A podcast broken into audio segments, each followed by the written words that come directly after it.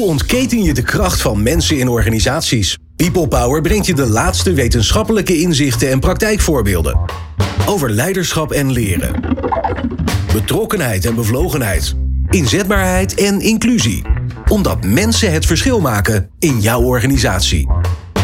People Power met Glen van der Burg. Werkgeluk is op zichzelf natuurlijk een prachtig resultaat en misschien wel doel voor jouw organisatie.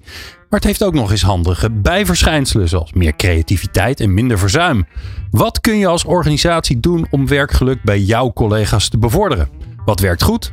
Heeft het meeste impact en helpt ook om nieuwe collega's aan je te binden. Ik heb drie experts voor je uitgenodigd. Joop Schippers is de gast, hoogleraar arbeidseconomie aan de Universiteit Utrecht.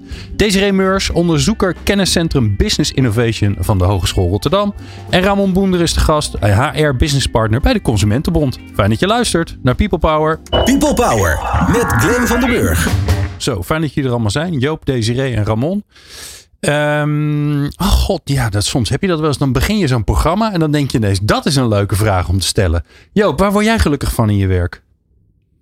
Uh, van het feit dat ik in belangrijke mate mijn eigen baas ben. Aha. Autonomie. Dat ik gewoon de hele dag mijn hobby uit kan oefenen eh, en daar nog vrij aardig voor betaald wordt ook. Ja, ja. En uh, dat er niet te veel mensen zich ermee bemoeien en zeggen wat je moet doen. Dat, uh, dat gaat niet goed als dat ja. gebeurt. Heel goed. Desiree, waar word je blij van in je werk? Ja, ook dingen doen die ik leuk, leuk vind. Oké. Okay. Ja, ja, dus en, in de inhoud van het werk. Ja, de inhoud van het werk, ja. Ja, Ramon?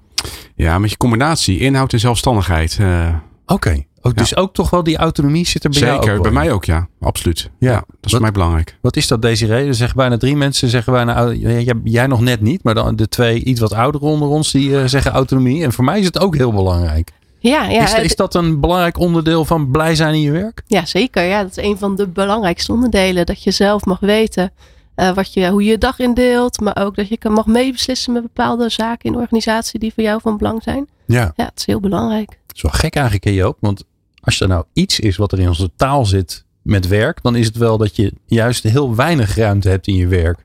Want in het weekend ben je vrij en door de week ben je dus, zijn we blijkbaar gebonden of zo. Ja, dan ben je niet vrij. Ja. Nou ja, ik denk dat dat ook heel veel te maken heeft met uh, het oude industriële systeem.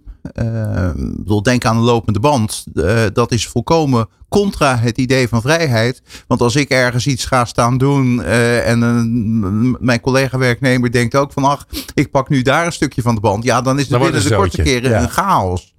Ik bedoel, dus dat hele idee van uh, werken wordt gestuurd van bovenaf. Uh, dat hoort heel erg bij het industriële tijdperk. Maar het hoort veel minder bij de tijd waarin we nu leven. Waarin uh, de manier waarop het werk georganiseerd is, uh, maar ook uh, het opleidingsniveau van de bevolking, dat dat er erg aan bijdraagt. Dat mensen vrij aardig weten hoe ze het zelf zouden willen doen. Ja. En dat geldt dus niet alleen voor hoogopgeleiden. Dat geldt bij wijze van spreken ook voor uh, de vuilnisman. Ik bedoel, zo'n team op een vuilnisauto, die bepalen ook graag zelf, nou ja, laat ik zeggen, hoe ze onderling het werk verdelen. Of bij voortduring dezelfde persoon achter, of ja, op de, de route die ze misschien de rijden. route. Ja. Nou ja, en zo zijn er een heleboel dingen waarvan je zegt van, goh, ook op dat niveau, uh, waarvan je het misschien in eerste instantie niet zou verwachten, maar uh, ja, is dat je zelf zeggenschap hebt, is belangrijk. Ja.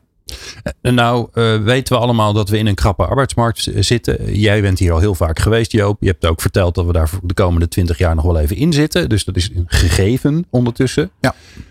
Als je nou kijkt naar werkgeluk, welbevinden op de werkplek. Is dat dan ook iets waar mensen veel meer op zoek naar zijn gegaan, nu er best wel keuze is op de arbeidsmarkt voor veel mensen? Op het moment dat, zoals 20 jaar geleden of 30 jaar geleden, uh, je af en toe ook gewoon genoegen moest nemen met een baan om überhaupt niet werkloos te zijn, ja, dan nam je de baan zoals die kwam. Dat is nu veel minder het geval. Ik bedoel, nu uh, ja, is het de, degene die een baan wil, die kan het eigenlijk, heeft het eigenlijk voor het uitkiezen. En dat betekent dat je niet alleen gaat kijken naar salaris, maar bijvoorbeeld ook naar zoiets van als autonomie kan ik zelf mijn dingen eigenlijk een beetje doen. Dus ja, ja dat zijn dingen uh, waar mensen nu meer op gaan letten op bij wijze van spreken de mogelijkheid om thuis te werken. Hebben we het ook al eens eerder over gehad. Ik uh, bedoel dus eigenlijk dat hele pakket van arbeidsvoorwaarden. Dat speelt nu veel meer een rol dan alleen maar heb ik een baan en kan ik de huur ervan en krijg betalen. ik er goed voor betaald. Ja. Ja, Ramon, merk je dat? Merk je dat ja, bij zeker. de Consumentenbond uh, met mensen die bij jullie willen werken? Ja, absoluut. Absoluut. Het, uh, sowieso, de mensen die bij de Consumentenbond solliciteren, die doen dat eigenlijk al uit een stukje bevlogenheid. Dat, is zo natuurlijk sowieso om, want dat, dat heeft te maken met wie wij zijn. Maar we merken steeds vaker dat, uh, dat alleen maar het traditionele arbeidspakket, uh, de, de voorwaarden, dat die uh, minder toe doen. En dat het veel meer gaat om, om andere zaken. Dus ik ken sowieso een paar gevallen van mensen die specifiek bij ons hebben gesolliciteerd hoe wij georganiseerd zijn, hoe wij werken. Die zijn op basis daarvan bij ons uh, gaan solliciteren. Oké, okay, dus niet per se wie jullie zijn en dat jullie een belangrijke maatschappelijke rol spelen, maar ja. ook hoe jullie georganiseerd juist, zijn. Juist, maar voor die personen was eigenlijk de, uh, de, de, de, beslissende factor de manier hoe wij georganiseerd zijn en hoe wij werken. Oké. Okay. Ja. Nou, gaan we, dit, dit, is een enorme cliffhanger. Want nu ja, denkt iedereen, ja. hoe dan, hoe dan, hoe dan? gaan we het straks over hebben. Uh, maar dat, uh, daar gaan we nog niet in in het hoe. We blijven nog even een beetje in het waarom. Uh, Desiree, jij bent aan het promoveren op dit onderwerp. Ja. Waarom heb je daarvoor gekozen? Waar, wat heeft je getriggerd dat je dacht, nou dat vind ik echt zo interessant. Daar ga ik gewoon een paar jaar van mijn leven aan spenderen. Want dat is wat je doet als je gaat promoveren natuurlijk. Zeker, zeker. Nee, ja, ik vind het heel interessant om te weten wat mensen beweegt. Wat mensen motiveert. Um, en dat wij daar met z'n allen van kunnen leren. Maar dat ook organisaties daar beter van worden. En dat ook mensen er beter van worden. Dus ja. daar dat ik het echt... Een, en vanuit welke bril, vanuit welk vakgebied doe je dat? Psychologie. Oké, okay. ja, ja. okay, dus je kijkt echt naar hoe mensen in elkaar zitten. Ja, en, uh, en maakt dan de combinatie met de organisatie. Want wat, wat behelst jouw um, uh, promotieonderzoek in niet al te veel zinnen? nou, ik kijk vooral uh, naar wat mensen nodig hebben. Um, om het welzijn van werknemers uh, nou, beter te maken. En ook uh, daardoor ook de organisaties beter te maken. Ja, want het klinkt, zeg maar even voor de iets traditioneel denkendere onder ons, zonder daar een oordeel over te vellen. Dat doe ik stiekem natuurlijk wel. Maar het klinkt alsof oh ja, het welbevinden van medewerkers, natuurlijk is dat belangrijk. Je wil een goed werkgever zijn voor mensen. Ondertussen ontkom je er niet meer aan, want je hebt de arbeidsmarkt, dus je zult wel moeten. Maar het blijft op deze manier toch een beetje klinken als. Ja, dat doen we zodat onze mensen blij en een beetje brood en spelen. Hou ze gelukkig en dan blijven ze bij je en dan blijven ze lekker hard werken. Uh, maar jij bent onderzoek aan het doen naar wat eigenlijk ook nog een keer wat de andere factoren zijn, toch? Wat, wat je eraan hebt als organisatie. Ja, ja, ja, welke impact het daadwerkelijk heeft. Dus ook bijvoorbeeld op het innovatievermogen van de organisatie. Dus dat het ook echt daadwerkelijk effect heeft. Dat je met, als organisatie nieuwe producten kan maken. Dat mensen creatiever worden, proactiever worden. Um, en... Hoe onderzoek je dat? Lijkt me zo lastig. Want als je aan mij zou vragen, ja, hoeveel, uh, uh, hoeveel nieuwe dingen heb je de afgelopen tijd uitgeprobeerd? Ik zou het niet eens weten. Hoe, hoe check je dat bij een organisatie? Um, nou ja, mensen hebben heel veel vragenlijsten ingevuld uh, door heel Europa. Oh, wow. En door al die vragenlijsten te analyseren, krijg je daar een beeld van. Ja. Oké. Okay. En dan kan je dus een beeld schetsen. En, en had je dan van tevoren het idee van ik wil spe specifiek die creatieve innovatiemethode uh, of uh, de, uit, uitkomsten weten? Of is dat iets wat uit je onderzoek is gerold?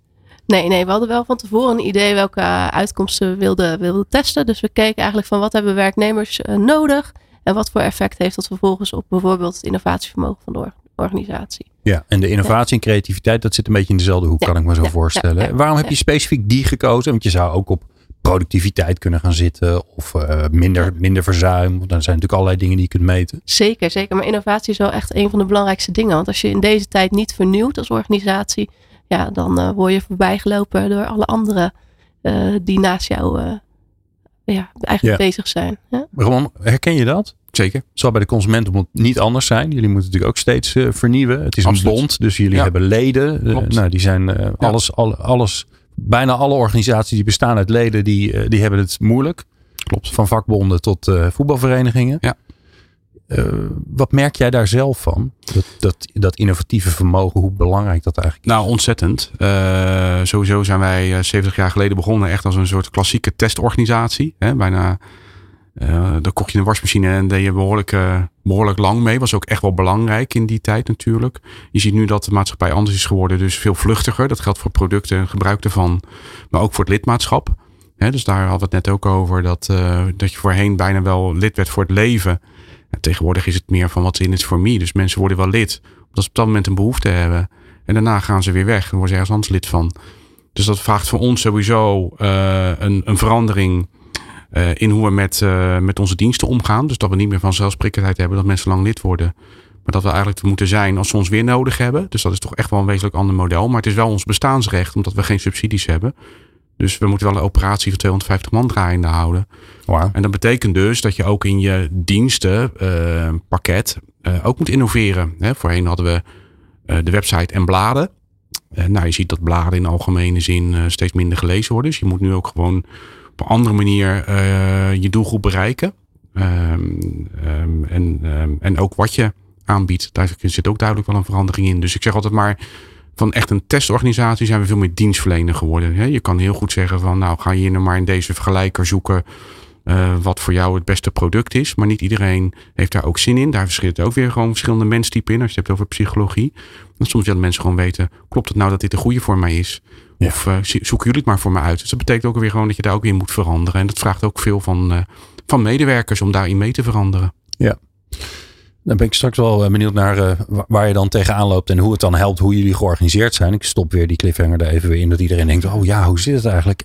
Joop, als jij, jij loopt wat langer mee, als je kijkt naar wat belangrijk wordt gevonden in organisaties, heb je daar een soort verschuiving ook in zien ontstaan van, en natuurlijk is innovatie altijd belangrijk geweest en natuurlijk is productiviteit al, altijd belangrijk geweest en is uh, misschien het vastleggen van kennis en ervaring altijd belangrijk geweest. Maar dat is toch altijd een soort van specifieke focus, kan ik me zo voorstellen. Zie, zie je daar veranderingen in ontstaan door de jaren heen?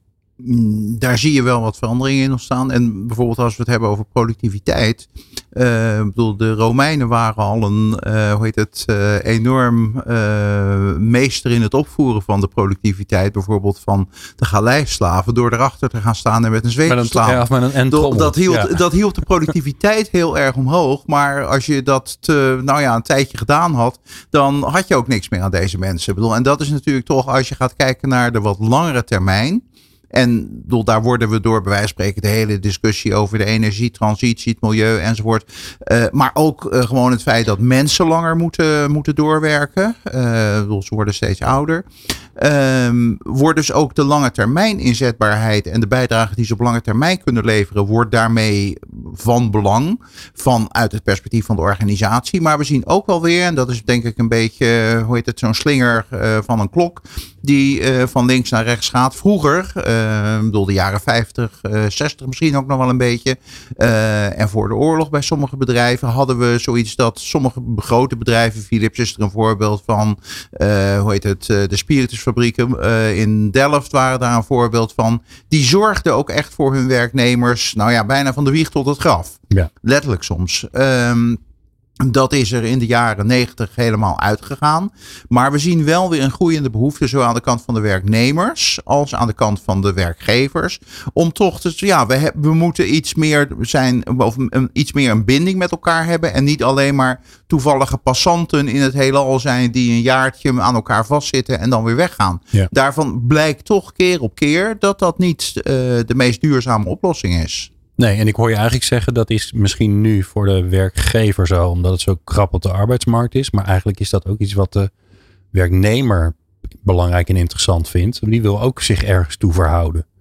Nou ja, we hebben, hoe heet het, een paar maanden geleden het onderzoek van, uh, hoe heet het, uh, Lin Rouvab besproken over hoe jongeren daarin staan. Ik bedoel, die willen ook iets opbouwen en die willen niet alleen maar een soort wegwerp, uh, nou ja, arbeid zijn die, er in, die een jaartje bij een bedrijf mag werken en dan weer teruggegooid wordt in de pool van potentiële werknemers en dat er dan weer iemand anders aangenomen wordt. Ja, ja dus de, het is ook een soort tegenbeweging misschien tegen die gig economy van ja. je doet je dingetje, je hebt een soort klein tandwieltje in het geheel heb je gefabriceerd of gemaakt. Je doet even een, een online marketing dingetje en dan ga je weer wat anders doen. Dat is er natuurlijk ook. Hè? En dat, dat is er ook, maar het is wel heel anoniem geworden. Ja, ja, en daardoor lopen we nu ook tegen de vraagstukken aan van ja, willen we dat eigenlijk wel en worden we daar gelukkig van? Nou, waar we dan wel gelukkig van worden, daar gaan we het zo over hebben. En natuurlijk ook, niet geheel onbelangrijk, hoe je dat dan voor elkaar kan krijgen in je organisatie. En dat hoor je zo. Hoe ontketen je de kracht van mensen in organisaties? People Power. People Power. Uh, drie leuke gasten in de studio. Joop Schippers, Desiree Meurs. Uh, beiden op een of andere manier verbonden aan de Universiteit Utrecht. Uh, want ze zijn verbonden aan elkaar. Want volgens mij ben jij Desiree uh, aan het promoveren uh, bij Joop, met Joop. Hoe heet dat eigenlijk? Met, met hè? Ja, ja, bij klinkt zo. Promoveert eigenlijk bij de Erasmus Universiteit. Ja. En, um, en Ramon Boender is de studio van de Consumentenbond. HR Business Partner al daar. Um, Desiree, laten we even, even gewoon even snel even een basispsychologie cursusje. Ja. hè, dat is altijd hartstikke leuk. Als je nou denkt van, goh, ja, dat is toch wel belangrijk. Want ik wil wel inderdaad meer innovatie in de club. en meer creativiteit. Dus moet ik ervoor gaan zorgen dat mijn mensen blij en gelukkig zijn. Ja. Wat hebben ze dan nodig? Doe maar even een, een, een gezellig boodschappenlijstje. Nou ja, ik denk dat er vier uh, aspecten heel erg belangrijk zijn. Allereerst een veilige werkomgeving. Dus een werkomgeving waar je fouten mag maken, waar conflicten eerlijk worden opgelost, waar vertrouwen heerst. Ja, wat grappig. Hè? Want, laatst zei iemand tegen mij, die had het ook met iemand gehad over een veilige werkomgeving. Die begon over valhelmen. Oh ja, maar daarmee bedoel je dus psychologisch, psychologisch veilig. veilig dus er wordt niet gepest. Nee. De mensen worden niet geshamed als ze iets verkeerd doen. Wordt niet geroddeld. Al dat soort dingen. Al dat soort dingen. Ja, dat is echt heel erg belangrijk. Nou ja, ten tweede hebben we het al even over gehad. Autonomie natuurlijk. Dus dat je zelf dingen mag beslissen. Uh, maar ook dat je daadwerkelijk meegenomen wordt als er belangrijke beslissingen worden genomen in de organisatie. Um, en ten derde is het ook uh, voornamelijk belangrijk dat uh, ja, de relaties goed zijn. Dat je support krijgt van je leidinggevende. Dus dat je feedback krijgt op de juiste momenten dat je gewaardeerd wordt, dat je um, nou, je hulp krijgt van je leidinggevende bijvoorbeeld als je dat nodig hebt. En bedoel je met relaties ook van hoe, hoe, hoe ben je met je collega's? Is het gezellig? Dat vind ik ook altijd. Ja, ja, denk, eh, dan hoor ik misschien werkgevers dat denken, ja, moet ik dan gaan zorgen dat het gezellig is hier? Dan denk ik, nou, misschien wel, als dat goed werkt. Ja. Ja. Ja, zeker. zeker. Dat, dat, dat hoort er allemaal bij, inderdaad. Het is ook lastiger weggaan natuurlijk bij een, bij een organisatie. Op het moment dat je echt gewoon heel vriendschappelijk, vriendschappelijk of misschien wel vrienden hebt op je werk. Ja, ga dan maar eens ergens anders zijn. Dat is best wel uh, heftig. Best wel lastig, ja. En als je het niet naar je zin hebt, als je er geen leuke werksfeer hebt, dan is dat, die stap natuurlijk veel kleiner om, uh, om te maken. Um, ja, en als laatste is het toch ook belangrijk dat je competenties aansluiten bij wat je doet. Um, dus dat je echt, uh, nou ja, je, je ei kwijt kan in je werk, zeg maar. Ja, om het maar even in normaal Nederlands te zeggen. Ja. Dus Dat, je, ja, dat je daar ook uh, plezier in hebt. ja, en dan hoor ik vaak mensen zeggen, ja, de, zorgen dat mensen doen waar ze goed in zijn. Ook. En bedoel je dat dan? Of bedoel je dan, want ik vind het altijd, altijd spannender. Want ik denk, ja, als iemand doet waar hij goed in is, dan kan die het al. En dan wordt het op een gegeven moment al heel snel saai. Want je wil ook steeds een beetje beter worden, toch? Ja, doen waar je goed in bent, maar ook vooral uitdaging. Ja. En, en het gevoel hebben dat je iets waardevols doet. Dat is heel, uh, heel belangrijk. Oké. Nou heeft Ramon me, uh, driftig mee zitten schrijven met het ja, boodschappenlijstje. Absoluut. Nou Ramon, denk je nu, uh, dat hebben wij allemaal gefixt? Of denk je nu, uh, we hebben nog even wat werk te nou, doen? Nou, gefixt. We, we, we, doen een hele goede poging. We komen ver in de buurt. En ehm, eigenlijk alle vier aspecten hebben we wel in onze inrichting meegenomen. In ieder geval over nagedacht. Ja. we doen onze best. Het is nergens perfect natuurlijk. Dus maar... Um, um, het zit, echt verweven. Ja, ja, de uitdaging is natuurlijk, hè, ik denk dat bij veel van de dingen die langskomen, ja, als je, als je in de HR-wereld zit of je bent een manager en je wist nog niet dat in ieder geval een aantal van deze dingen ja. belangrijk was, dan zou ik me ernstig zorgen gaan maken. Ja. Zou ik toch eens een beetje een boekje gaan lezen ergens over. Ja.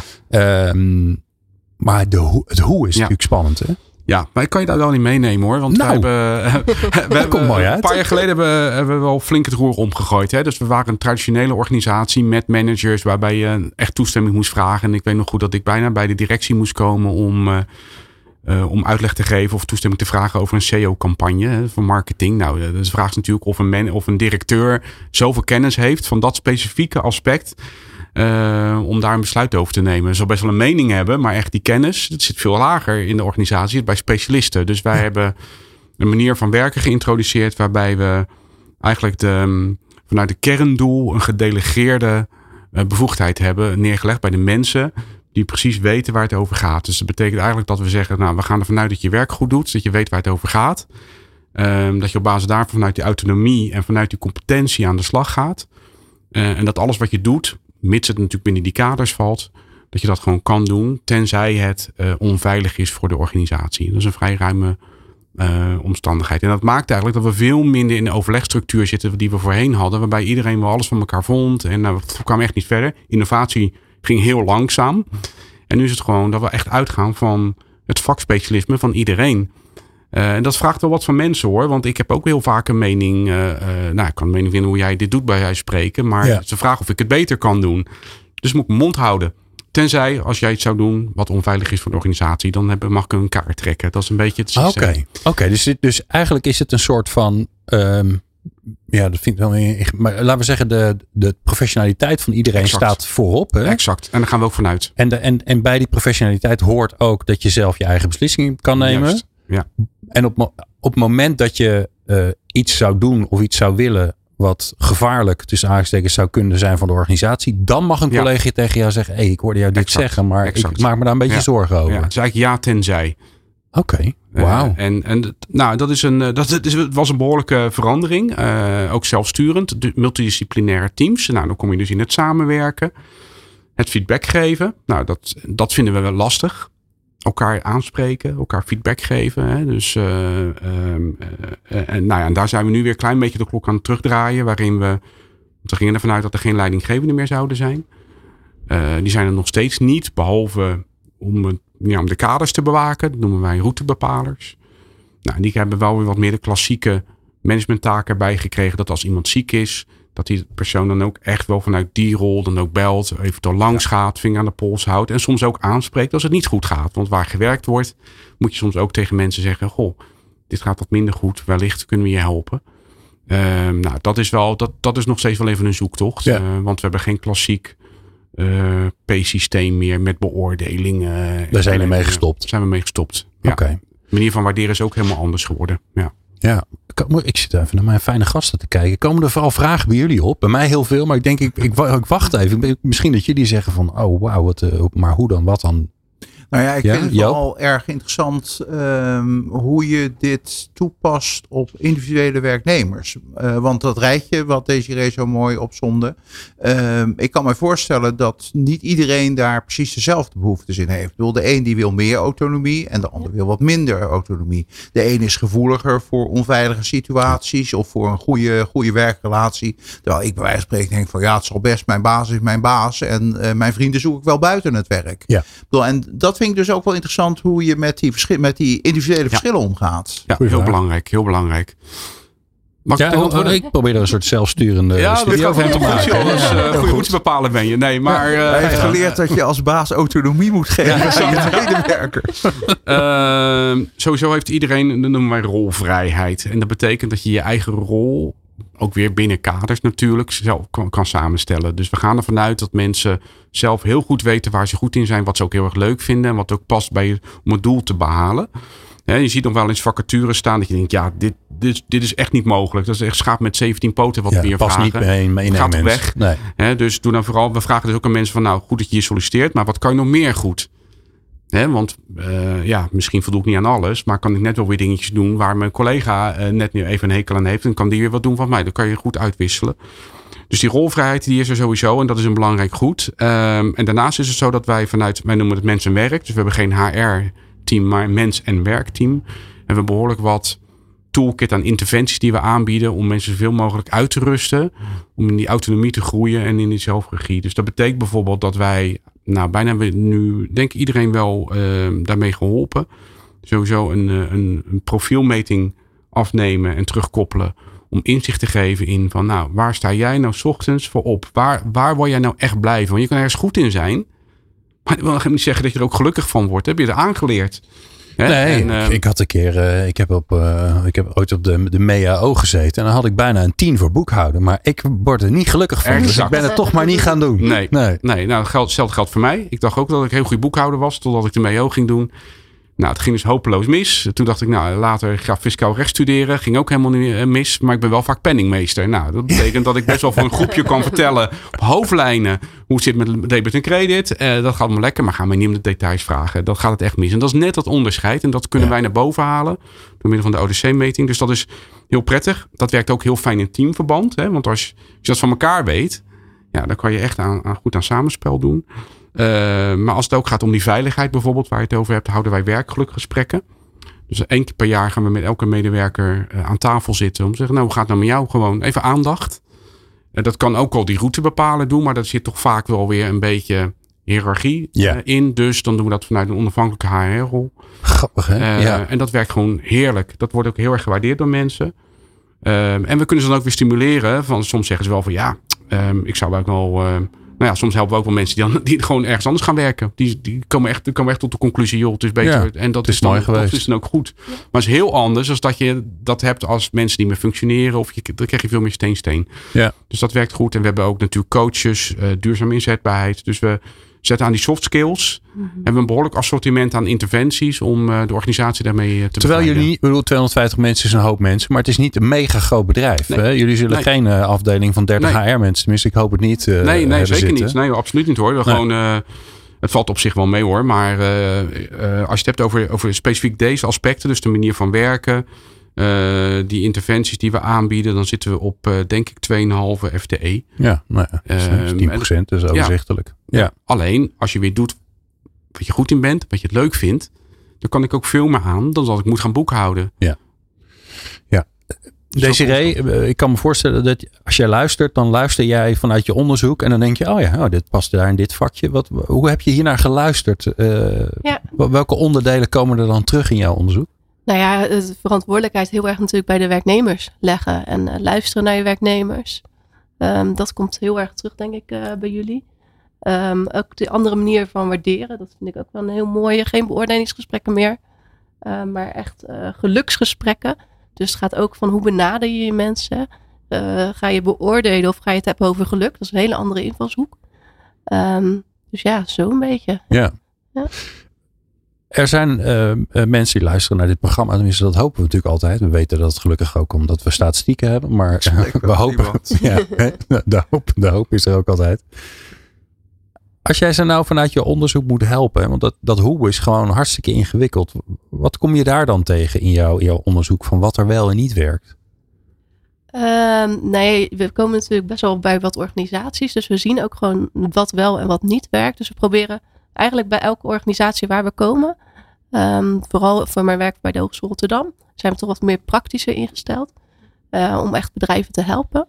Ehm, dus we komen bij organisaties en nemen we eigenlijk alles mee. En dan proberen we al die ervaringen, net als bij de Consumentenbond nu, dat, dat hoor ik ook weer. Ik denk ook, dat is een interessante. Ja. Ehm, en dan proberen we op een gegeven moment allemaal te bundelen. Zodat we juist eh, al die verhalen, zeg maar. eh, wat werkt in een bepaalde situatie, dat we dat weten. En dat we dat ook kunnen, verder kunnen gaan delen. Ja, ja, maar dit is wel heel interessant. Hè? Weet je even een bijzetje in wat werkt in deze eh, eh, situatie. Dat is Ja. een beetje het gevaar van deze wereld waar wij in zitten. Hè? Dat Ja. zeker alle boekenschrijvers in de wereld. Doe deze drie dingen of vijf dingen of zeven dingen. Het is altijd oneven op een of andere manier. En dan komt het wel goed. Ja. Ehm, Maar dat, dat is vaak niet zo. Het moet Nee. natuurlijk altijd, het is het type organisatie waarin je werkt. Ehm, ja, wat, wat, wat werkt voor een bepaalde organisatie, voor de een wel, voor de ander niet. Ja, dat is altijd heel lastig. En dus Ja. ook uitproberen en evalueren. Ehm, en eigenlijk als organisatie je daar gewoon continu in ontwikkelen.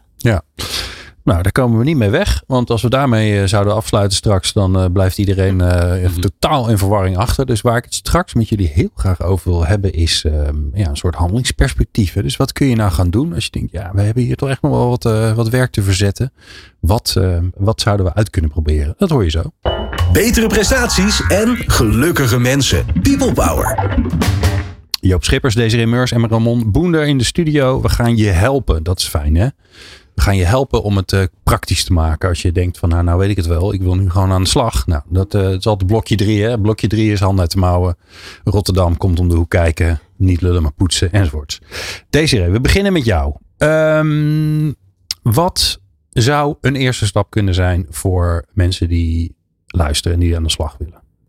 Dus de eerste stap is altijd meten is, eh, is weten natuurlijk. Meten is weten. Ja, tuurlijk. Ja. Dus als eerste kijken je, waar je staat als organisatie. Wij als Hogeschool eh, Rotterdam hebben een aantal jaar geleden een eh, soft control scan ontwikkeld. Eh, deze is ook gevalideerd in de praktijk. Ehm, en die, die is eigenlijk in staat om een, ja, om een foto te maken van de organisatie waar je op dit moment staat op het gebied van, eh, van soft controls. En dan moet je me even helpen wat jij daaronder verstaat. Want anders dan ga ik dat zelf invullen. Dat is altijd gevaarlijk. Wat Ja. zijn soft controls? De informele beheersmaatregelen, om het even plat te zeggen. Dus je hebt een structuur in je organisatie, de harde kant van de organisatie, je regels, je procedures. Maar je hebt ook een hele zachte kant van je organisatie. Dus hoe je het inricht qua waardering, waar we het net over hebben gehad. Eh, hoe je eigenlijk je autonomie, hoe, hoe geef je dat aan je mensen? Nou, dat soort aspecten. Ehm, dat, uh, daar hebben we een soort meetool van gemaakt. Dus, dan, uh, dus datgene wat, je, wat, wat een beetje ontastbaar is en zacht is als je erin knijpt, dat hebben, gaan jullie hard maken? Dat hebben wij hard gemaakt, ja. Oeh, ja, kijk, alright. En, en stel je voor, ik doe die scan, of de sterker nog, Ramon doet die scan, want ik heb niet zoveel zin om, om dat, omdat ik kom, ja, ik ben in mijn eentje, zo ben je snel klaar. Ramon doet die scan, wat, wat, wat komt er dan uit? Wat krijgt hij uiteindelijk? Mooi rapport ongetwijfeld. Er komt zeker een heel mooi geautomatiseerd rapport uit. Um, het is een uh, scan voor werknemers en voor managers. Dus die uh, kunnen die getallen, zeg maar, dat eruit komt, dat kan naast elkaar gelegd worden. Um, maar er komt voornamelijk, het is voornamelijk een gespreksdocument. Dus het is voornamelijk de bedoeling dat je met elkaar, als je de scan hebt ingevuld, uh, met elkaar gaat kijken van waar zitten nou onze verschillen.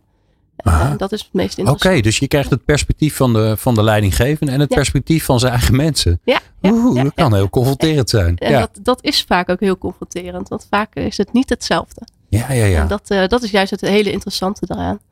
Uh, dus ik krijg eigenlijk een soort spiegel voorgehouden vanuit de werknemers. Interessant. Uh, ja. ja, mooi. Dus dat nou. is denk ik de eerste stap. Oké, okay, meten is weten. Stap 1, meten is weten. Oké, okay, Ramon. Wat moeten we gaan doen? We, we, hebben gemeten, we, we weten een ja, beetje. Ja, ja, maar ik wil ook dingen gaan veranderen. Want ik, heb, ik. ik, krijg, ik krijg jeuk in de handen. Ja, ja. Nou, wat ik in ieder geval wel merk is dat uh, aandacht, oprechte aandacht voor de mens heel belangrijk is. Dus ga ook gewoon het gesprek aan. Uh, om die veiligheid inderdaad waar we het over hadden, om die te creëren. Zodat je gewoon met elkaar het gesprek kan aangaan van nou, waar, waar draait het nou om? Waar draait Aha. het bij jou om? Ja, want daar stappen we een beetje overheen. Hè? Want het was wel ja. een van de vier van Desiree. De psychologische Precies. veiligheid. En dan denken we altijd, oh ja, het zal hier wel goed zijn. Maar dat is altijd de vraag natuurlijk. Precies, niets is wat het lijkt. Hè? Waar, uh, waar, waar, waar, mensen werken, daarin uh, heb je altijd te maken met spanningen. Mensen nemen ook gewoon hun verleden mee. Wie ze zijn, wat ze, hebben, wat ze zelf hebben meegemaakt. Um, en ook al denk je gewoon dat het een hele gezellige sfeer is en dat het goed gaat. Er zit vaak ook wat meer achter. En niet iedereen spreekt zich uit. Dus uh, in alles wat, uh, ja, waar ik mee bezig ben, kom ik altijd weer op neer dat als je aandacht geeft, je gaat, bent werkelijk geïnteresseerd in die ander, dat dat de basis is om verder te komen. Of het dan gaat om, inderdaad om het werkgeluk, of om de performance, of over samenwerking, of ja. um, tevredenheid.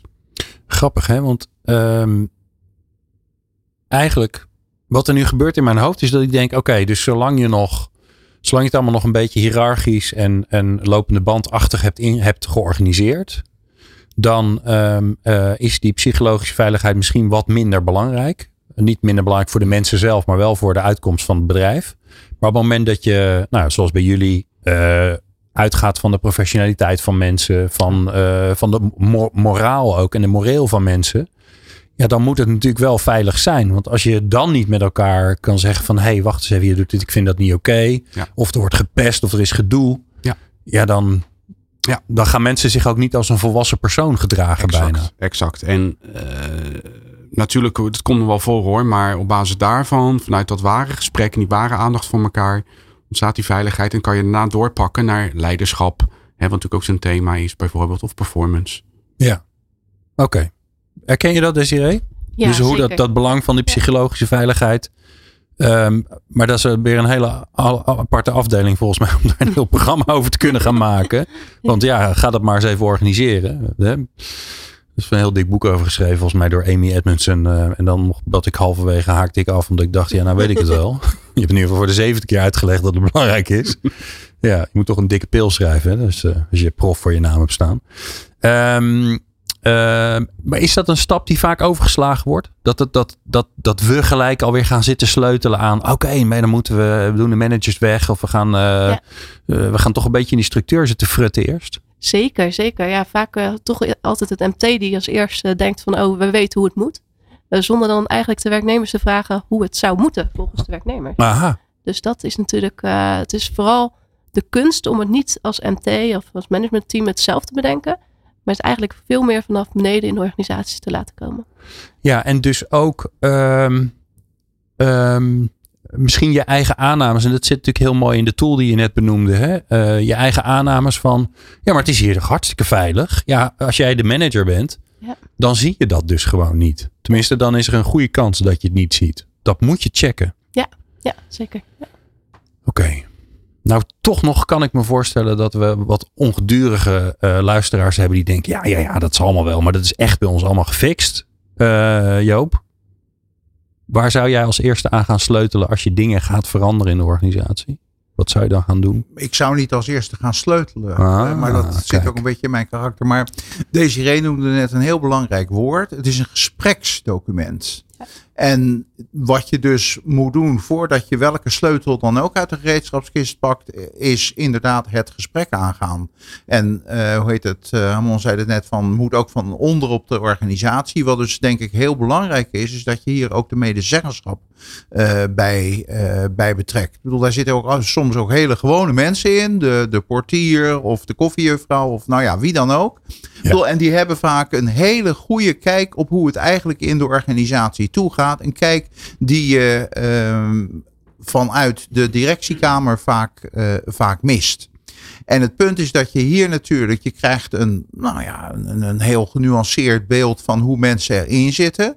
Het is niet zo, eh, zoals we dat bij, bij wijze van spreken, eh, CAO à la carte-achtige dingen hadden. Dat mensen dingetjes aanvinken van, eh, ik wil graag een fiets, ik wil graag reiskosten. En dan wist je als werkgever precies wat de mensen, of als HR-afdeling, wat de mensen wilden. Ik wil graag 20% meer autonomie. Als dat Nou ja, precies. En dat, dat, heb, dat heb je hier dus niet. Dus er, nou ja, in dat gesprek komt naar voren van ja, ehm, we worden bijvoorbeeld als werknemers regelmatig geconfronteerd met dat er nieuwe materialen gebruikt gaan worden. Terwijl wij, als je het ons gevraagd had, dan waren we nu niet dit gaan gebruiken. Maar dan hadden we een half jaar gewacht tot dat en dat eh, materiaal beschikbaar komt. Want dat is eigenlijk veel beter voor eh, de productieprocessen die wij aan het doen zijn. Ja. Dus dat zijn eigenlijk allemaal van die dingen die horen bij het gesprek aangaan. En dan moet je gaan sleutelen, waar je misschien van tevoren al aan gesleuteld moet hebben.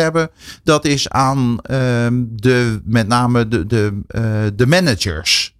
Want eh, heel veel managers, eh, zeker degene die het al een tijdje doen, die komen natuurlijk toch uit de tijd van, eh, van de vinkjes, zoals uit het CAO, CAO à la carte systeem.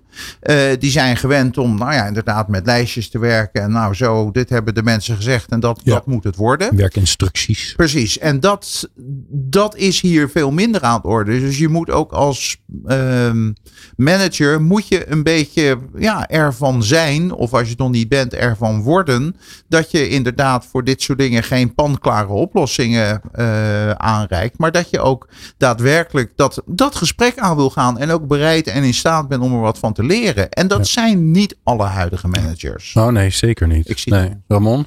Ja, fantastisch dat je dit zegt. Eh, de- even op twee punten reageren. Die werkgelukgesprekken die zijn juist ontstaan omdat de collega's het aangaven. Dus wij doen altijd een grote medewerkerstevredenheidsonderzoek. En wij dachten wel van, nou, we hebben het zo georganiseerd. Die harde kant en die zachte kant past allemaal prima.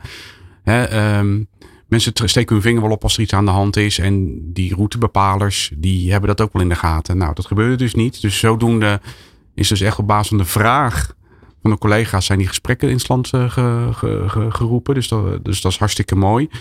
En je merkt ook inderdaad dat, ehm, dat ook wij nu wel eh, al, eh, alle routebepalers meenemen. Ook weer in toch wel een soort programma waarin ze ook rekening moeten houden met ook juist al die zachte dynamieken in een team.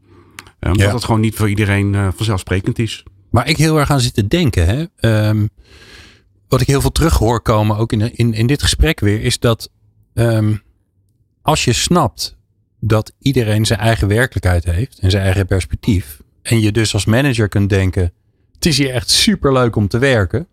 Ja, als dat jouw beeld is en je gaat acteren vanuit dat beeld, het is hier heel veilig, het is hier heel leuk, we hebben onwijs veel lol, ik heb hier heel veel mensen waar ik heel veel plezier mee kan maken dan ga je voorbij aan iemand anders die dat misschien niet heeft.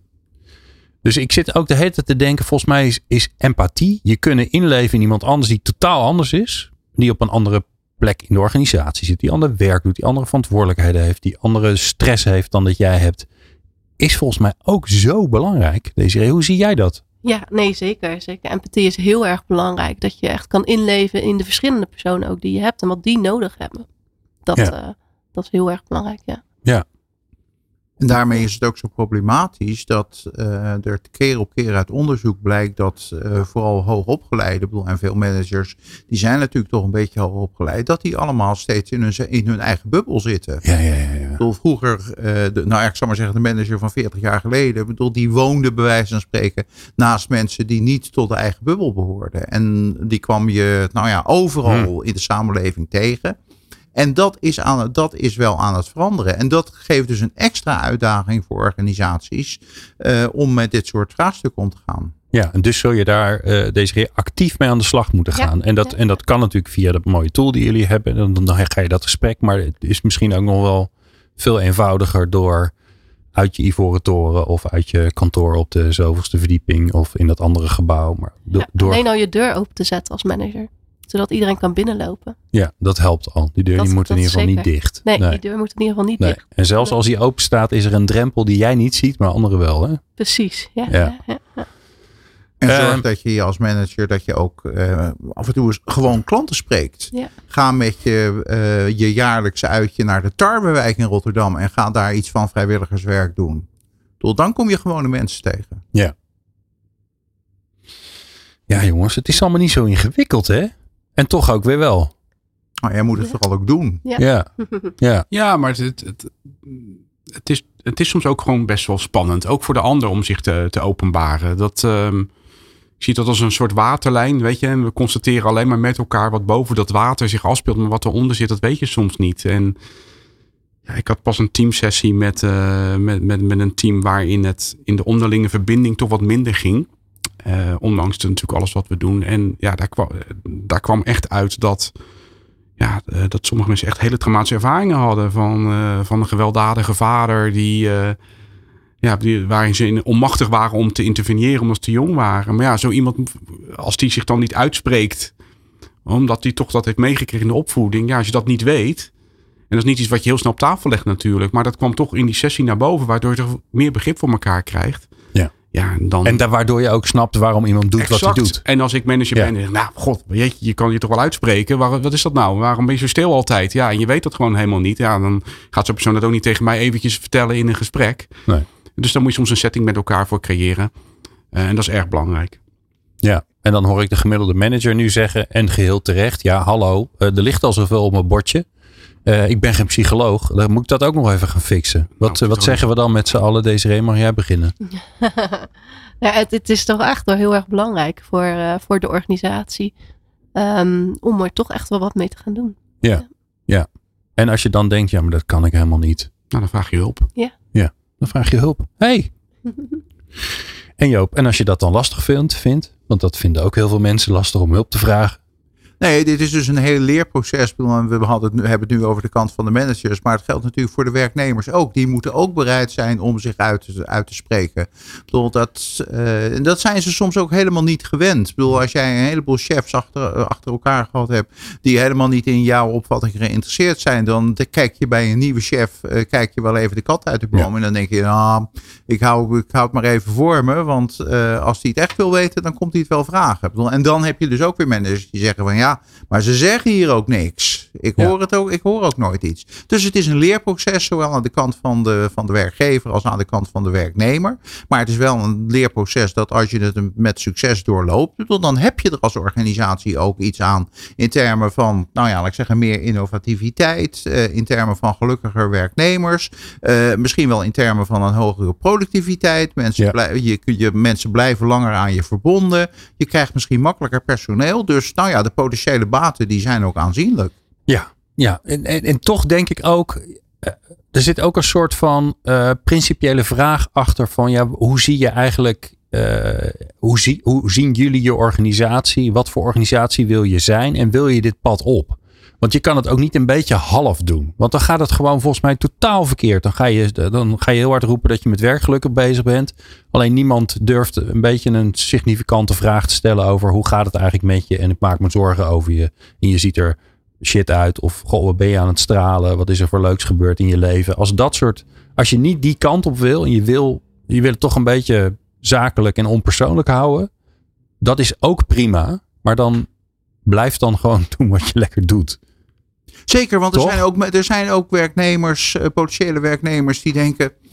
Ik hoef het allemaal, allemaal, niet, niet ja. zo erg. Ik bedoel, ik had vroeger een enorme voorkeur voor keuzevakken. eh, waar er gewoon de hoogleraar een verhaal hield. eh, en je daar verder thuis boeken moest lezen. En niet allemaal werkgroepjes en nou ja, creatieve dingen doen enzovoort. Daar was ik gelukkig mee. Ja. Maar sommige andere studenten niet. En dat geldt natuurlijk hier ook. Er zijn ook werknemers die denken van... oh, ik hoef het allemaal niet. Ik doe, mijn, ik doe mijn Ik ding. trek de werken. deur om, Ja. achter om vijf uur achter me dicht. En dan ga ik aan mijn postzegelverzameling. En morgenochtend ga ik weer verder. En voor mij... Nou, ik hoef helemaal niet zo'n sterke binding met de organisatie. Dat mag zichzelf ook Ja. uitselecteren. Maar kies er dan voor. Ja. Ja. Toch? Ja. kies er dan voor en zorg dan voor dat je in, in die andere wereld, dat je het daar allemaal goed regelt. En dat het daar ook psychologisch veilig is. En dat je dan ook zo nu en dan eens een feestje viert.